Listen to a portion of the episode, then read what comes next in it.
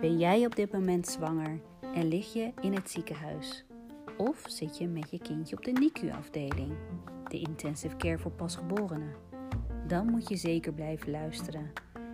De podcast is bedoeld om deze periode in jullie leven ietsjes aangenamer te maken. Dit is dé plek waar NICU-ouders, kinderen en andere betrokkenen hun ervaring delen en tips uitwisselen.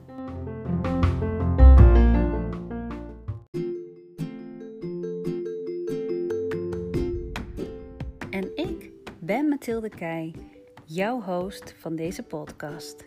Zelf ben ik moeder van een kindje met een moeilijke start en ervaringsdeskundige. In het dagelijks leven werkzaam als zangpedagoog en daarnaast geef ik prenatale zang- en stemcoaching gecombineerd met lichaamswerk. Fijn dat je weer luistert en welkom bij de Pinding met je baby podcast, aflevering 6, ex-prematuur Amber Bontekoe van Klein meisje maakt een reisje, vertelt.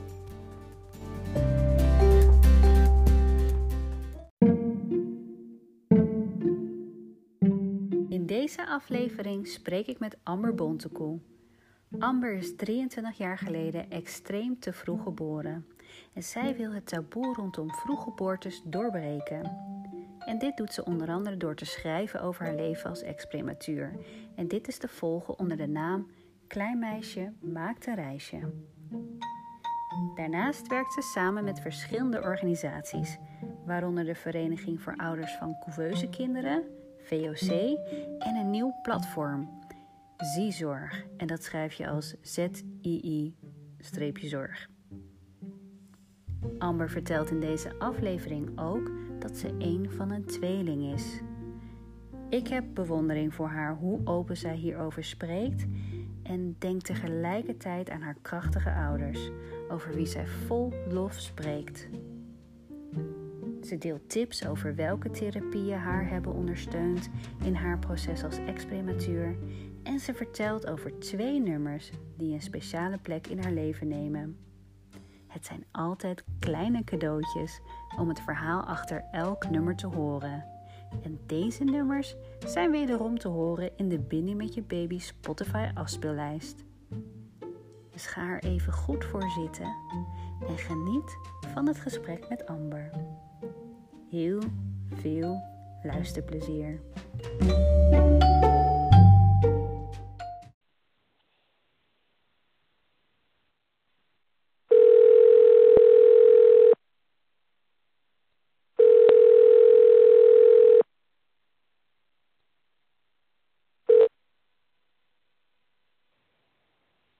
Hallo, met Amber. Hi, met Mathilde Hi. van de Binding met je baby podcast. Hallo. Hallo, fijn dat je wilt meewerken aan deze podcast. Nou, stel Ja. jezelf eens voor aan de luisteraar. Wie ben je? Hoe oud ben je? En waarom wil je meedoen aan deze podcast? Nou, ik ben eh, Amber Bontekoe. Ik ben 23 jaar. En ehm, ik had een berichtje op Instagram voorbij zien komen waarin ehm, jij opriep om ehm, een, een podcast interview op te nemen voor mensen die ervaring hadden binnen de NICU. Ehm, en ik heb, ik heb niet de ervaring zoals moeders die hebben, maar ik heb zelf op de NICU gelegen. Ik ben zelf extreem te vroeg geboren, na een zwangerschap van 24 weken en 6 dagen. En ik Mhm. heb in totaal ehm eh, 4,5 maand in twee verschillende ziekenhuizen gelegen, waarin ook een aantal maanden op de eh, neonatale intensive care unit. Dat is nogal een woord, hè? Die neonatale in, Jezus, intensive care unit. Als je Ja, er gewoon ja. helemaal niet mee te maken hebt, dan, dan Nee. denk je ook echt van, wat is dat? Want dat hoor je nergens eh, in de, ja, in van die zwangerschapsboekjes of zo. De NICU of de NEO. Geen idee. Nee, nee, Dus, eh, nee, precies. ik ben blij dat je het weer eventjes eh, zonder te haperen zegt. Mm. en ik daag de luisteraar uit om het eens te herhalen. Ja. De neonatale intensive care unit. Ja. Hoppa! Oftewel de NICU inderdaad. De NICU, ja precies. Ja. Wat goed, ja. Wat zeg jij? Je zei 4,5 maand heb je in het ziekenhuis ja. gelegen. Ja, in, in twee verschillende ziekenhuizen. Eerst in het Sophia Kinderziekenhuis in Rotterdam. Mm waarin ze dus die NICU's hadden. Uh, En later ben ik naar een streek, streek, streekziekenhuis uh, gegaan. Ja, en wat was de reden voor het vroeggeboorte? Ja, dat is eigenlijk niet bekend. Um, ik ben de helft van een tweeling. Hij heeft het niet overleefd. En tweelingen worden over het algemeen wel eerder geboren. Mm Maar zo extreem natuurlijk niet. Um, ja, en wat daar de aanleiding voor was, dat, dat, daar is eigenlijk nooit antwoord op gekomen. Ja, dat hoor je vaak hè, eigenlijk. Dat er gewoon, ja, of soms wel hoge bloeddruk, dat de moeder dat had of zo. Maar dat ja. een, een uh, moeder zoiets overkomt, dat is gewoon echt totaal uh, out of her hands of zo. Hè? Het overkomt ja. het overkomt ja. niet. Ja, klopt. Ja. Uh, wel bijzonder hoor, dat je een van een tweeling bent. ja. Misschien een beetje een gekke vraag, maar uh, Heb je ook nog steeds het gevoel dat je een van de tweeling bent? Ja, ik denk dat dat gevoel, dat, dat is er altijd. Um, ja. Maar ik, ik zeg altijd, ik, ik ben tweeling op papier. Want ik weet niet hoe het voelt om een tweeling te zijn. Ik ben het natuurlijk wel, mm -hmm. maar het mhm. is anders dan, dan dat je, je, nou ja, zeg maar je hele leven tot nu toe samen bent. Dat, dat hebben wij niet. Dus om nou te zeggen, voel ik mij tweeling? Nee, ik voel me de helft van een tweeling, want ik mis iets. Dat is wat ik voel. Ja. Ja. Heel bijzonder, hè, dan. ja. Hey, en hoe, um, uh, hoe hebben je ouders de Niki-periode ervaren? Weet je daar iets van? Um, ja, we hebben het daar wel eens over. Niet, niet heel vaak en niet heel uitgebreid. Mm maar ja, weet je, dat, dat is natuurlijk een rollercoaster aan emoties. Uh, Het is sowieso al heel heftig als je kind um, te vroeg geboren of ernstig ziek uh, is of, of, geboren wordt en het moet naar een NICU. Mm -hmm. um, en daarbij waren wij ook nog met z'n tweeën, mijn tweelingbroer en ik. Um, ja. Dus die, die hebben echt tussen hoop en vrees uh, geleefd. Ja, en met name ook toen mijn tweelingbroer overleed, dat, dat was natuurlijk heel heftig. Want ja, ze moesten, ja, ze hadden natuurlijk verdriet daarvan, maar ze moesten ook hoop houden voor mij. Want mij ging het ook heel slecht. Mm -hmm. um, dus ja, dat, dat, dat was een rollercoaster aan emoties. Ja. Ja, en, um, en, en waaraan is uiteindelijk je, uh, de, de andere helft uh, overleden dan? Hij kreeg een, uh, een hersenbloeding. Een, ja, een, een grote hersenbloeding ja, en dat, uh, dat heeft hij niet overleefd. En, en hoe was jouw situatie op dat moment? Um, ik weet dat het op dat moment ja, redelijk was, hè, naar omstandigheden. Ja. Um, maar een week later ging het met, met mij ook heel slecht. En, en eigenlijk bijna net zo slecht als met hem. Uh, uiteindelijk ben ik er wel ja, ben ik er doorheen gekomen, maar dat, dat had weinig geschild. Dus ja. Uh, kun jij uh, die tijd herinneren? Of heb je daar een herinnering van? Of nee, nee, nee. Dat is eigenlijk hetzelfde als, als een babytje in de normale kraamtijd bijvoorbeeld. Dat, dat kun je je later ook niet herinneren. Dus um, nee, ik, ik, ik kan me dat niet.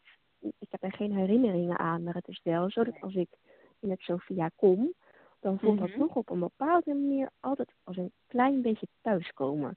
En dat is natuurlijk heel raar om te zeggen van een ziekenhuis, want dat is natuurlijk geen thuis.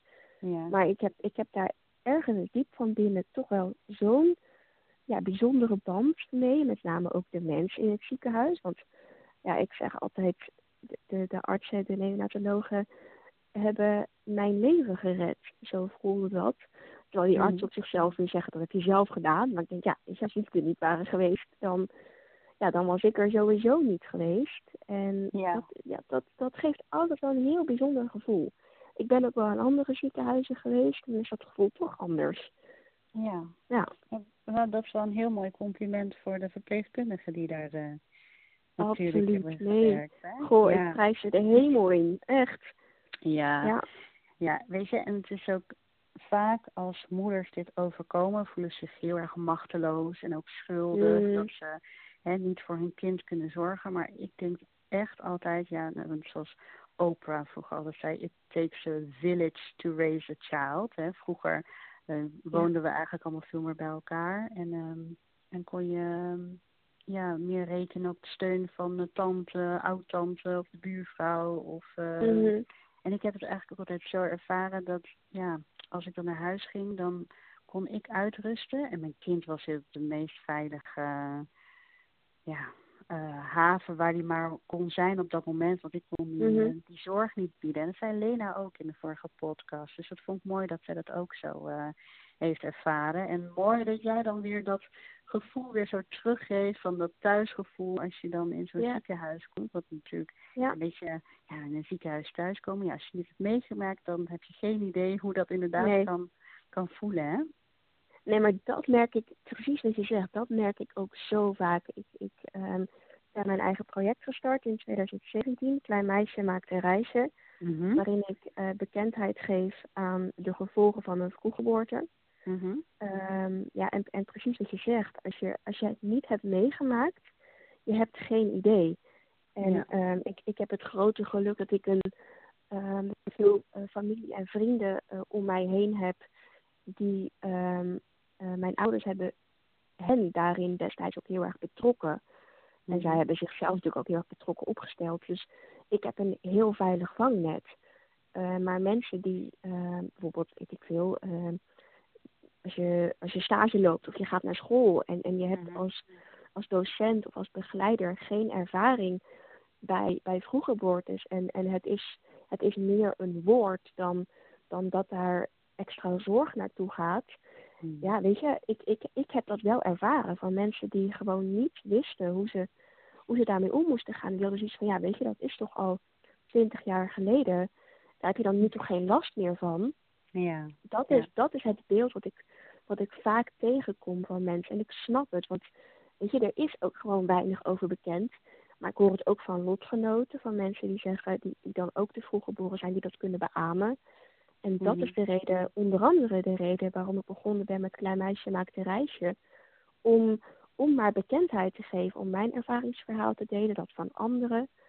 Ehm, om, om maar een stukje bewustwording te creëren van de gevolgen um, kunnen levenslang zijn. En um, daar moet op een goede manier mee om worden gegaan. En als dat niet gebeurt, ja, dan, dan, dan raken mensen in de knel. En die, die knel uitzicht dan op verschillende manieren. Maar de mhm. oorzaak is, is toch vaak gerelateerd aan die vroeggeboorte. En dat is wat mensen zich niet realiseren. Ja, want uh, als ik op jouw Instagram-account uh, kijk van een klein meisje maakt een reisje, dan zie ik mhm. daar ook uh, overleven en over tussen haakjes en dan leven als ex-prematuur. Ja. Voelt, dat, dat, voelt dat dan ook zo als overleven? nou, ik ben nu op een punt waarin het meer leven als ex-prematuur is. Omdat ik nu mhm. gewoon beter in mijn vel zit en ik snap mezelf beter. En ik heb daar ook wel hele intensieve therapieën voor gevolgd. Mhm. Maar het heeft absoluut gevoeld als overleven. Dat ik gewoon niet wist waar ik het zoeken moest. En dat ik voelde dat mensen mij niet begrepen. En dat ik zo hard mijn best deed. Maar dat mijn tempo bijvoorbeeld lager was en dat het niet werd gezien. Ja, en dat voelt wel als overleven van ik doe zo mijn best en het wordt niet gezien.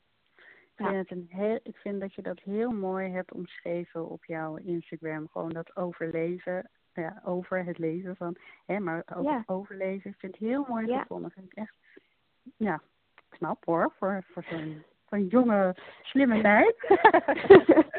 nou, dankjewel, dankjewel. Ja, ja. en uh, ja, je zegt er zijn uh, ja, al die, hè, die gevolgen waar je mee te maken hebt? Wat voor, met wat voor gevolgen heb je te maken dan? Kun je daar iets meer over ehm, vertellen? Nou, bijvoorbeeld dus dat tempo wat, wat, wat achterloopt. Dat, dat mhm. handelingen bijvoorbeeld, gewoon dingen doen.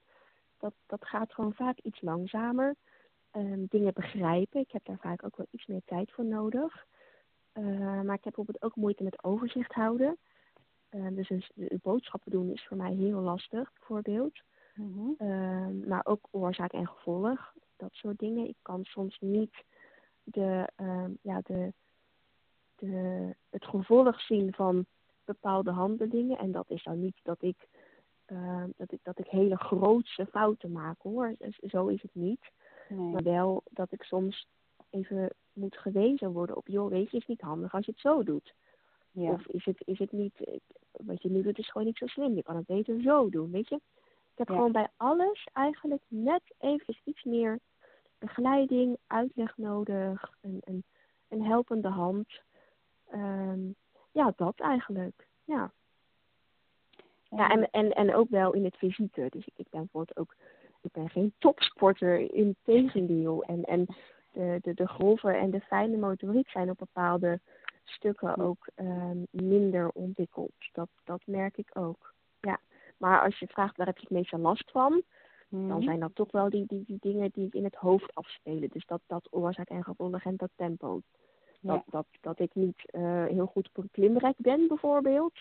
Nou, daar heb ik niet zo heel veel last van. Dat heb ik er wel, maar ik heb daar minder hinder van. Ja. ja. En je zei ook net van, uh, dat je therapie had gevolgd. Ja. hulp hebt gehad. En wat voor, een, uh, wat voor hulp heb je dan gehad? Uh, ik ben in 2019 opgenomen geweest omdat ik um, uiteindelijk psychosomatische klachten had ontwikkeld. En dat mhm. kwam door de jarenlange overvraging van mezelf en van mijn omgeving. En het feit dat ik niet gezien werd en dat ik daar zelf um, ook niet altijd um, gehoor aan heb gegeven. Dus uh, heb verteld tegen anderen. Mm en ik, ja, ik ben eigenlijk altijd maar doorgegaan omdat ik voelde dat dat moest. En omdat ik voelde dat als ik dat niet deed, ja, dan, dan, dan kwam ik er niet, was mijn gevoel. Um, wat was je vraag ook alweer? Welke therapie? Oh ja, oh ja, welke therapie ik heb gehad. Ja, ik, ik, ben dus, uh, ik ben dus opgenomen geweest en dat voor psychosomatische klachten. En die therapieën waren, was eigenlijk heel breed. Dus mm. ik was bijvoorbeeld praten met een psycholoog, maar ik had ook kunstzinnige therapie. En ik had psychomotorische therapie.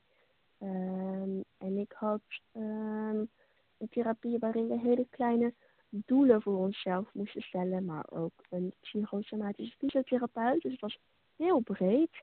Ja. En het doel van die therapie was eigenlijk om jezelf leren kennen, patronen doorbreken, weten waar het misgaat, uh, zelf dingen aan kunnen geven, uh, grenzen leren stellen. Dat, dat, ja, dat. Ik vind wel heel, al een hele mooie tip voor als je als uh, ex-prematuur luistert. Dan zeg je mhm. eigenlijk van ja, luister echt naar je lichaam. Ja, en, en wat ik ook mee zou willen geven aan ouders van een ex of van een prematuur geborene, ja. ja, dat opgroeien is. Um, een, een, een moeder en een, een, vader trouwens ook weten vaak heel goed wat goed is voor een kind. En um, ja, ik, ik heb gewoon heel lang tegen mijn tempo aangelopen, dat wat lager was dan bij anderen. Mijn ouders hebben mij daar altijd heel erg in gesteund. En hebben ook tegen scholen en tegen, uh, nou ja, tegen naschoolse activiteiten dat ook wel altijd verteld. Van weet je, laat haar kind zijn, maar weet dat haar tempo lager is. En ik denk dat je, um, er wordt gewoon heel veel gevraagd van een kind. En ik denk dat het voor ouders goed is om op je eigen strepen te blijven staan. En jij weet wat goed is voor je kind. En als je kind binnen zijn eigen kunnen zich kan ontwikkelen, met misschien wat extra aanpassingen, dat is het allerbeste voor een kind. Maar ga niet um, dingen geforceerd doen omdat het anderen het ook doen. Ja. En, en wat, wat ik heb uh, vanuit mijn eigen ervaring en ook vanuit de ervaring van anderen, een ex-prematuur, echt een rotwoord, maar goed, een mhm. ex-prematuur ontwikkelt zich altijd op zijn eigen tempo en op zijn eigen manier. En hij of zij komt er wel, maar vaak niet op de gebaande paden. Ja. Ja, en uh, het is heel mooi dat je uh, die ouders hebben, bewaak de grenzen van, van je kind. En, uh, ja. Dat is ja, zo, ik merk het zelf ook. Uh, ik heb geen, mijn kind is niet prematuur geboren, maar ziek geboren. En dan mm. oh, soms is het gewoon zo lastig om die grenzen te bewaken hoor. Dat, dat ja. zelf het is uh, soms zo kinderen dat je even, je moet er soms haast voor liggen van ja nee, zo niet. En hij zet maar ja. bijvoorbeeld twee fysiotherapeuten. De een die deed net alsof uh, het kind zeg maar een hond is die je moest opvoeden. Van ja, je moet gewoon even door de zure appel heen. En de ander die kwam al met samengeknepen billen in de ruimte. Van oh, als je maar niet gaat huilen. Oh, hallo! En dan denk je echt van oh, niet zo, weet je wel. Maar ja, ja. de plek van ouder is soms wel echt heel lastig hoor. En ik ben echt wel zelf ook op mijn mondje, of niet op mijn mondje gevallen, maar het is, ja, dus ouders gewoon echt als tijgers. Uh, voor uh, hè, en de grenzen bewaken voor, voor je kind en, uh, ja. en het kind kind laten zijn in eigen tempo is zo belangrijk. Ja, precies dat. Ja, precies dat het is ook wel heel mooi nu we in, nou, we zitten nu uh, aan het eind van het coronatijdperk. Maar dat we wel hebben kunnen zien hoe uh, kinderen in bijzijn en de bijzijn van hun ouders echt zo ontzettend mooi groeien en bloeien en mm. blijven ontwikkelen. Hè? Ouders hebben vaak het idee van ja, oh, het gaat niet naar school, dus het stopt in die ontwikkeling. Nee, Nee, het is zo ontzettend belangrijk om die ouderliefde en die steun te ervaren. Dus ja. wat dat betreft is het wel heel goed dat die coronatijd er even is geweest. Want alles moest langzamer. En we hebben wel mooi het proces van het leven kunnen blijven ervaren. Dat het wel ook wel ergens vanzelf gaat, godzijdank. Hè? Ja. Niet altijd aan te trekken. Nee, ik vond het ook niet erg hoor, dat die uh, dat allemaal wat langzamer ging. Ik denk, nou, ja, fijn, even op mijn tempo.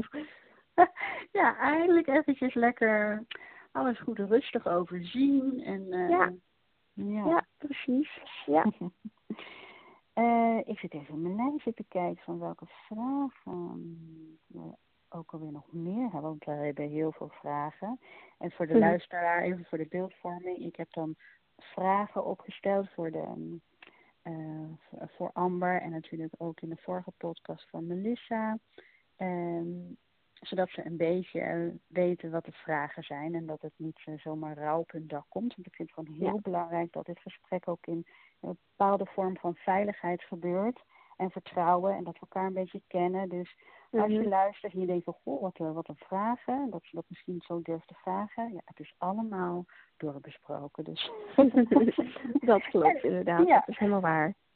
Even kijken hoor. Um, ja, um, zijn er ook voordelen van vroeggeboorte? Ja, ik heb die vraag dus inderdaad voorbij zien komen. nou, um, ik, nee, eigenlijk niet. Nee. nee. Nee. Nee, weet je, een zwangerschap duurt niet voor niks 40 weken. En, en mhm. daarin gebeurt alles. Daarin wordt alles ontwikkeld, rijp. En ja, een kind dat te vroeg geboren wordt, dat, dan moet het gewoon buiten de baarmoeder plaatsvinden. En dat, dat gebeurt. Um, maar binnen in een baarmoeder is anders. Dus dat er misschien hele kleine foutjes in ontstaan. In, in de ontwikkeling van de hersenen bijvoorbeeld. Um, een, een, zwangerschap binnen in de baarmoeder is nog altijd het allerbeste. Um, dus nee, er, zijn geen voordelen aan vroeggeboorte. Nee. En uh, is er informatie over vroeggeboorte voor ex-prematuren en ook apart voor ouders? Um, ja, voor ouders is, is er gelukkig um, in de loop van de jaren steeds meer informatie gekomen. Verschillende mm forums, verschillende websites. En op een gegeven moment werd ik in 2017 werd ik ziek. En ik had de link wel gelegd dat het met mijn vroeggeboorte te maken zou kunnen hebben. Dus ik heb, uh, ik heb toen opgezocht op internet van wat is er bekend over de mhm. gevolgen van een vroeggeboorte, met name op latere leeftijd. En ik mhm. kwam wel forums en websites tegen waarin um, moeders dan eigenlijk voornamelijk praten over hun kind dat te vroeg geboren was. Maar ja, dat ging vaak niet verder tot, tot de leeftijd van vier, hooguit acht. En daar hield de informatie bij op. Toen dacht ik, ja, maar er worden 15.000 kinderen per jaar te vroeg geboren, waarvan een deel ook extreem. En ja, daar zitten dus ook mensen van mijn leeftijd bij en die lopen misschien ook tegen die problemen aan. Dus uiteindelijk ben ik mijn project begonnen, uh, Klein Meisje maakt een reisje, om um, ja, eigenlijk in de informatie te voorzien die ik zelf zo miste. Ja, ja. en uh, jij spreekt denk ik veel uh, ex-prematuren. Ja. Spreek je ook mensen die nog ouder zijn dan jij? ja, ja, ja. Een, ja. een, aantal zijn er inderdaad ouder dan ik. Ja. En hoe oud ongeveer? Wat, uh... ja, meestal een paar jaar. maar ik heb ook, ook, contact met iemand die, die is um, rond de 50 en ook ja. destijds extreem te vroeg geboren. Dus het varieert, maar uh, ja, maar heel ouder en jonger. Niet.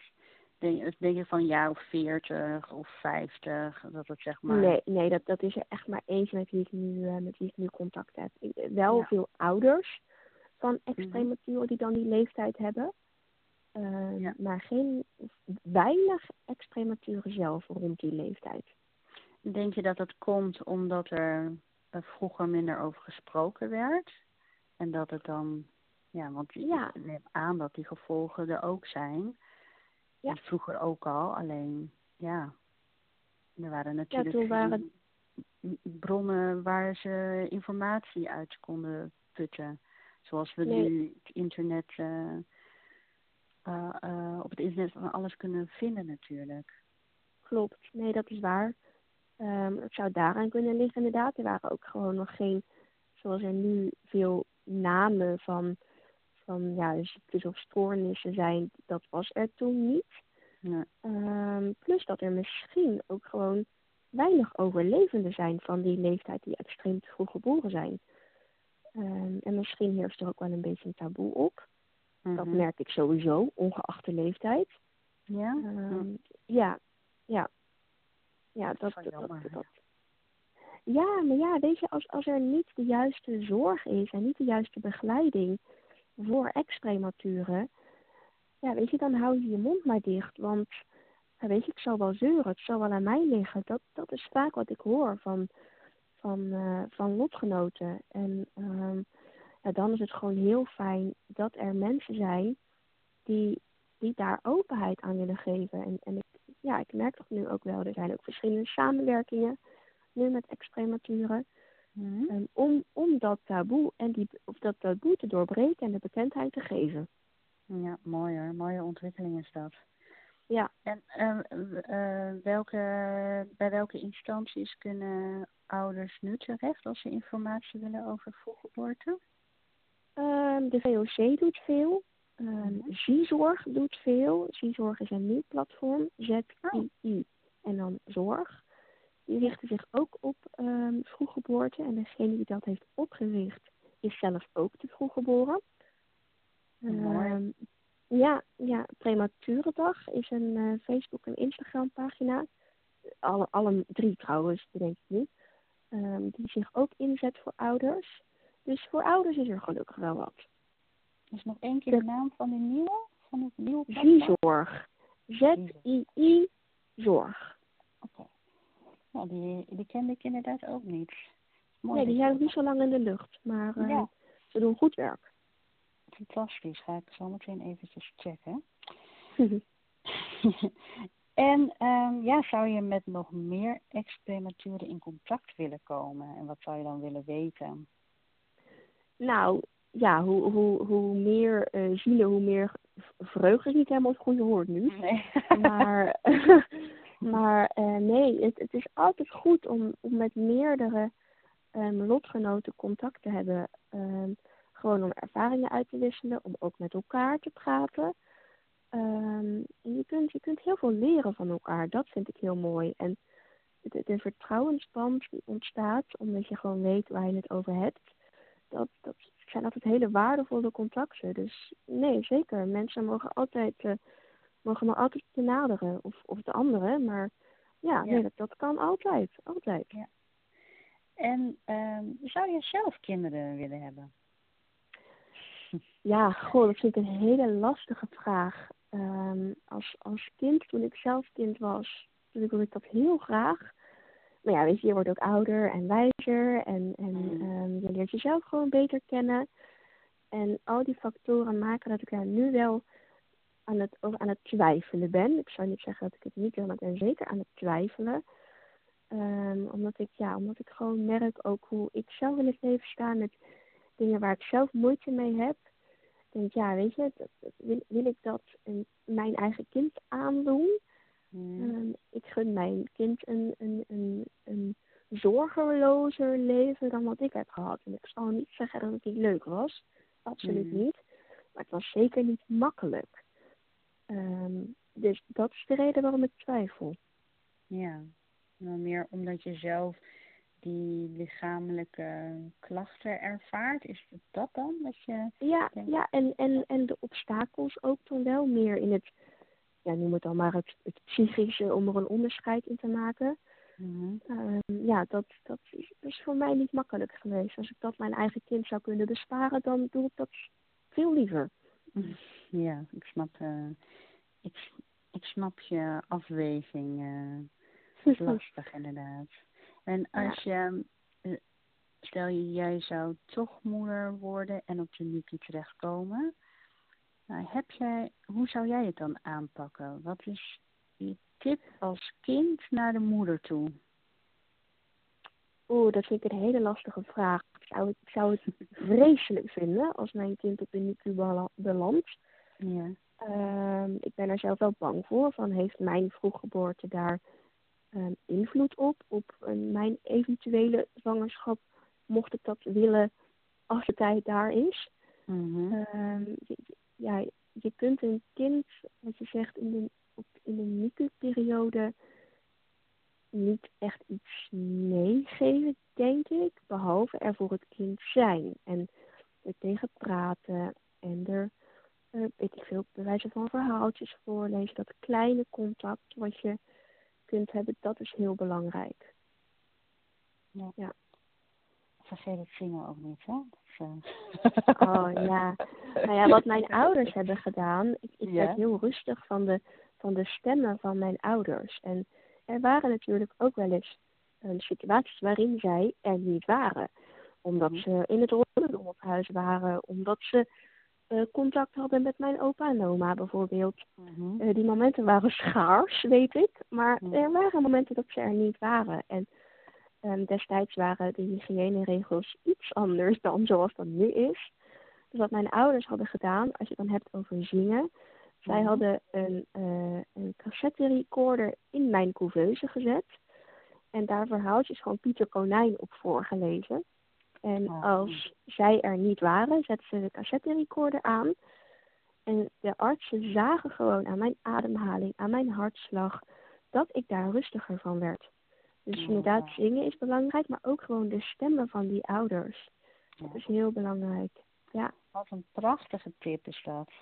Mooi, hè? Ja, heel mooi. Ja, ik had het ook verteld tegen verpleegkundigen en tegen neonatologen, die vonden het ook prachtig. En die zeiden ook van ja, misschien moeten we maar proberen om zoiets te, te integreren. Want ook zij zien dat aan, aan, de, aan de monitoren dan eigenlijk, dat een kind daar rustiger van wordt. Dus ik vond het wel mooi dat ook de vakmensen dat, uh, dat heel mooi vonden. Ja. Zeker, ja. En ik als zangpedagoog, ik, had, ik heb vroeger heel veel opgetreden, dus dat kun je allemaal op YouTube vinden. En had ik die uh, nummers had ik uh, ook allemaal achter elkaar gezet voor uh, in Chavi's bedje op de NCHC toen de tijd. En mm als wij ook weg waren, dan had ik dat ook aangezet. Dus dat, ja. dat komt heel mooi overeen. Maar inderdaad ook een verhaal te vertellen of inspreken. Wat een goed idee als je, als je ja, niet heel veel zangrecordings van jezelf hebt. nee, precies. En ik denk ook wel dat het dat het fijn is voor ouders. Want ik weet ook wel, ik heb natuurlijk ook wel ouders gesproken, uh, en mijn ouders ook, dat, dat het een heel machteloos gevoel is. En als je, als je kan zingen voor je kind of iets inspreken, dan kun je echt iets betekenen. Ik denk dat dat heel waardevol is, zowel voor het kind als voor de ouder. Zeker weten, dat is echt zo ontzettend belangrijk. Ja. ja, ik had nu op Instagram staan, en wist je dat je, of, het, uh, of die prenatale zangsessies, van dat de stem van de moeder net zo belangrijk uh, is voor de ontwikkeling van een kind als de fles krijgen of ja. uh, borstvoeding. Ja. Dat eigenlijk op de momenten dat een kind een voeding krijgt, dan zou het eigenlijk ook een ja, de stem van de moeder moeten horen. Dus eigenlijk zou dat een goede tip zijn voor op de, op de afdeling voor de verpleegkundigen om dat eens te gaan integreren. Ja, ja. ja. ja, dat echt lijkt me heel, uh, heel verstandig. Ja. Heb jij in die tijd, uh, wat heb jij in die tijd wel gekregen van je ouders wat je liever niet hebt gehad? En wat heb je niet gehad wat je wel had willen krijgen? Hoppa! Oh, ja, jongen, jongen. um, nagedacht. nou, goh, wat ik, wat ik um, niet heb gekregen, wat ik wel had willen hebben. Oeh, um, weinig. Ik vind dat mijn ouders dat ontzettend goed hebben gedaan. We hadden het er al eerder over. Ze hebben heel goed mijn tempo in de gaten gehouden. Ze hebben me heel erg goed begeleid. Um, dus er is, er is weinig wat ik, wat ik gemist heb eigenlijk. Um, wat, ik, wat ik wel eens heb gemerkt, is dat ze, ja, dat is logisch, ontzettend bezorgd um, zijn, waren. dat heb ik op bepaalde momenten wel eens lastig gevonden. Uh, maar ik ben nu ook wel in gaan zien dat ik dat ik nou eenmaal extra hulp nodig heb. En dat dat ook gewoon een acceptatieproces van mij is.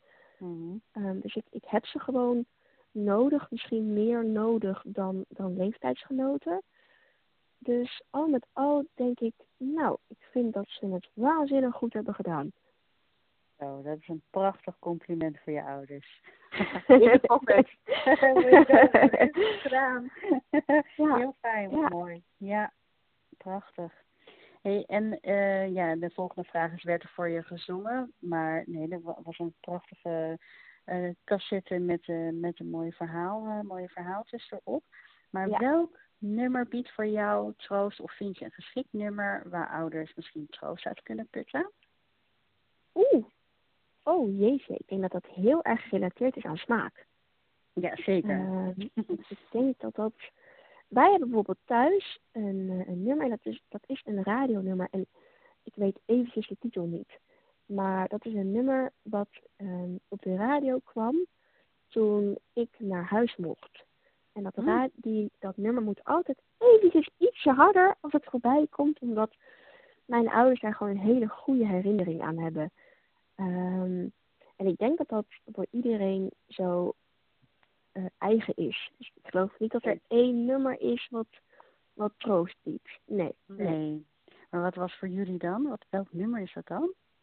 Ja, god, dat zou ik eigenlijk niet weten als ik heel eerlijk ben. Ik weet dat, dat er een nummer is, maar ik, het is ook een Engels, Engelse nummer. En ik ben niet zo goed in mijn talen.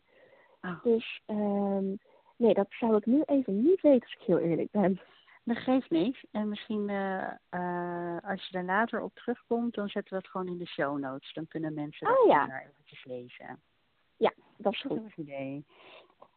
En je had nog een nummer um, geopperd.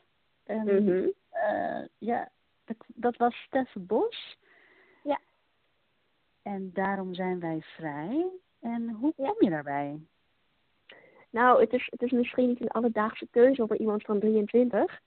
maar ik ben, ik ben ongelooflijk fan van Stef Bos. Ik vind ja. zijn teksten waanzinnig mooi. Dat is het. Um, ik, ik ben sowieso, uh, ik, ik, ben niet goed in mijn buitenlandse talen, maar ik ben voor Nederlands heel taalgevoelig.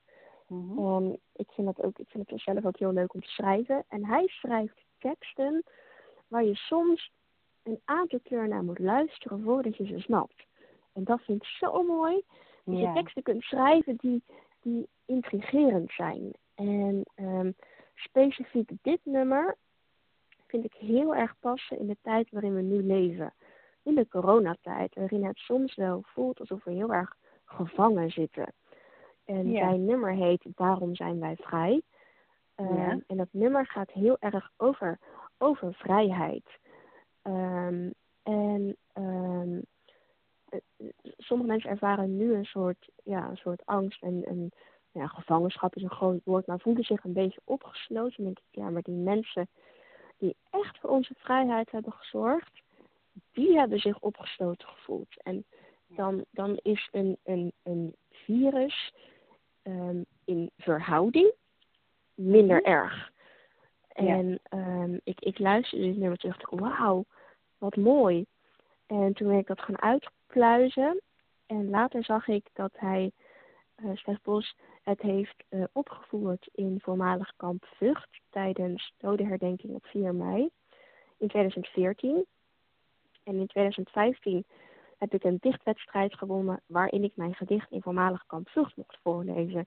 Toen dacht ik, nou, dan komt alles bij elkaar. Dat hij een jaar eerder dat nummer op diezelfde plek heeft voorgedragen als waar ik stond. Ja, ja en ik, ik, ik heb hem ook uh, mogen ontmoeten. Dat was ook een heel fijn gesprek. En uh, het klinkt misschien een beetje raar om te zeggen, maar qua denken lijken wij een beetje op elkaar. Um, ja. En ik denk ook dat dat de reden is dat ik zijn nummers zo ontzettend mooi vind. Omdat, omdat er heel veel gelijkenissen in zitten. Ja. En uh, nou, dat is, dat is de reden. Wat grappig, had jij het dan ook over jouw vroeggeboorte met hem? Ik heb het daarover gehad. Ja, zeker. En, uh, en heeft hij misschien ook zo'n situatie meegemaakt, dat je weet? Of? Um, nee, volgens mij niet. Volgens mij, hij heeft wel kinderen. Uh, ja? En die ziet hij natuurlijk ook opgroeien en die moet hij ook opvoeden. Um, ja. Maar ik geloof niet dat hij um, te maken heeft gehad met, met vroeggeboorte. Nee. Ja. nee. Oké. Okay. Ik dacht wel, misschien is dat de link dan ook nog wat jullie uh, delen. Maar... Ja, nee. nee, nee, nee. en de best tip ever voor de luisteraar op de NICU op dit moment? Wat zijn er, ja, heb je nog troostende woorden voor deze ouders, voor de moeders? Of ja, nee, wat, wat, ik, wat, ik, wat ik wel nog zou willen zeggen is, um, je, je kunt niet zeggen het komt goed, want dat is, dat is gewoon heel lastig in zo'n precaire situatie. Ja. Um, en wat ik, wat ik voornamelijk terugkrijg van moeders die dan een opgroeiend couveuse kind hebben, dan zeggen, oh wat fijn dat het zo goed met jou gaat. ik, ja, ik, ik wil met mijn project ook wel laten zien dat het bij mij echt niet roze geur en maneschijn is. Dus ik wil, ik mhm. wil geen vertekend beeld geven aan ouders. Um, als, als ze mij zien en weten dat ik met 24-6 ben geboren, 24 weken, 6 dagen. Ik ben er zo uitgekomen. En denk ik, ja, weet je, voor de buitenwereld lijkt het alsof het echt fantastisch gaat met mij. Ik, ja, dat, dat is het gewoon niet. Maar de tip die ik aan ouders zou willen geven um, die nu op de NICU liggen, um, luister naar je kind. Want een kind heeft in de, heeft in een NICU-periode eigenlijk ook al wel heel veel te zeggen. Kan, kan heel veel laten zien met lichaamstaal. Hou het, hou het tempo van je kindje in de gaten. Um, en, en laat weten dat je, dat je er voor hem of haar bent. Um, en, en ga ook wel op je eigen strepen staan. Als het niet goed voelt, of wat mijn ouders ook hebben gedaan destijds. Als het niet goed voelt, zeg het. Uh, geef woorden aan, aan wat je voelt, hoe moeilijk het ook is. Um, en, en heb vertrouwen. Mooi. Dat zijn hele waardevolle tips. Prachtig, dankjewel. ja. Graag gedaan. En heb je tot slot een leuke actie waarover je wilt vertellen? Nou, ja, ik, ik, uh, ik ben met Klein Meisje Maakt de Reis inderdaad bezig met een aantal nieuwe plannen.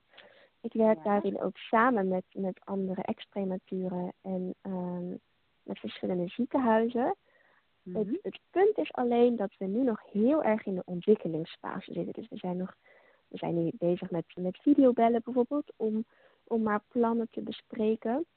Um, en we zitten nog heel erg in de opstartfase. Dus ik wil en kan daar eigenlijk nog niet te veel over zeggen. Omdat ik bang ben als ik nu al helemaal ga vertellen waarmee we bezig zijn. En het lukt uiteindelijk niet, door wat voor reden dan ook. Ja, dan stel ik mensen misschien toch teleur. Maar ik kan wel zeggen, um, mijn, de reden waarom ik met Klein Meisje Maakt de Reizen begonnen ben, is om bekendheid te geven aan de gevolgen um, en taboe te doorbreken. En ik kan wel zeggen dat, um, dat we dat met z'n allen naar een hoger plan aan het trekken zijn. Wauw. nou, en wat het dan precies is en wat die inhoud is, ja, daar wil ik gewoon liever nog eventjes mee wachten. En als het straks concreet is en het gaat allemaal lukken, dan kunnen we daar, uh, kunnen we daar meer over vertellen.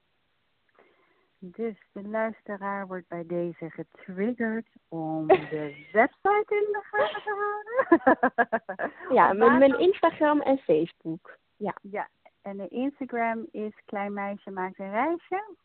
Ja. En helemaal aan elkaar. Helemaal aan elkaar. En op de Facebook idem dito. Ja, klopt. Ja, klopt. Ja, dan, dan zitten er wel spaties tussen trouwens, maar de naam is hetzelfde. Ja, oké, helemaal goed. Nou, ja, mag je ontzettend bedanken voor dit ontzettend waardevolle gesprek. En uh, ik denk dat, uh, dat je ontzettend veel tips en mooie wijsheden hebt doorgegeven aan, uh, ja, aan de moeders die nu op de NICU zitten met hun kindje. Ja. En ik weet zeker dat ze daar heel veel ehm, troost sowieso uit kunnen bieden en uh, stutten. En um, ja, dankjewel. Heel graag gedaan. Dankjewel voor de, voor de uitnodiging. En um, ja, voor die ouders zou ik willen zeggen, hou moed.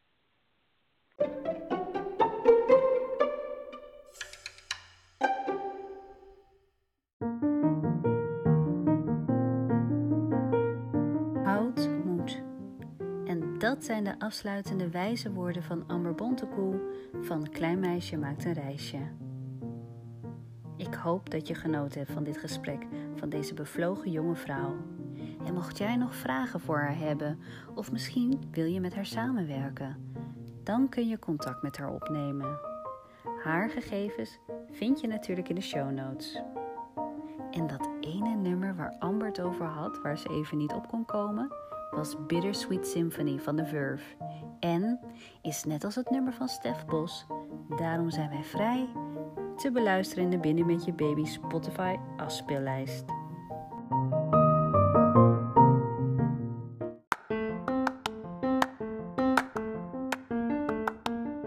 Dank dat je hebt geluisterd naar deze podcast. Heb je genoten? Vertel het dan door aan anderen en geef een review of sterren op Spotify of Apple Podcast. Dat geeft Binnen met je baby namelijk meer bekendheid. Doen hoor, want het helpt echt. En wil je reageren, je verhaal delen of wil je de podcast natuurlijk sponsoren? Kijk dan even in de show notes voor de doneerlink.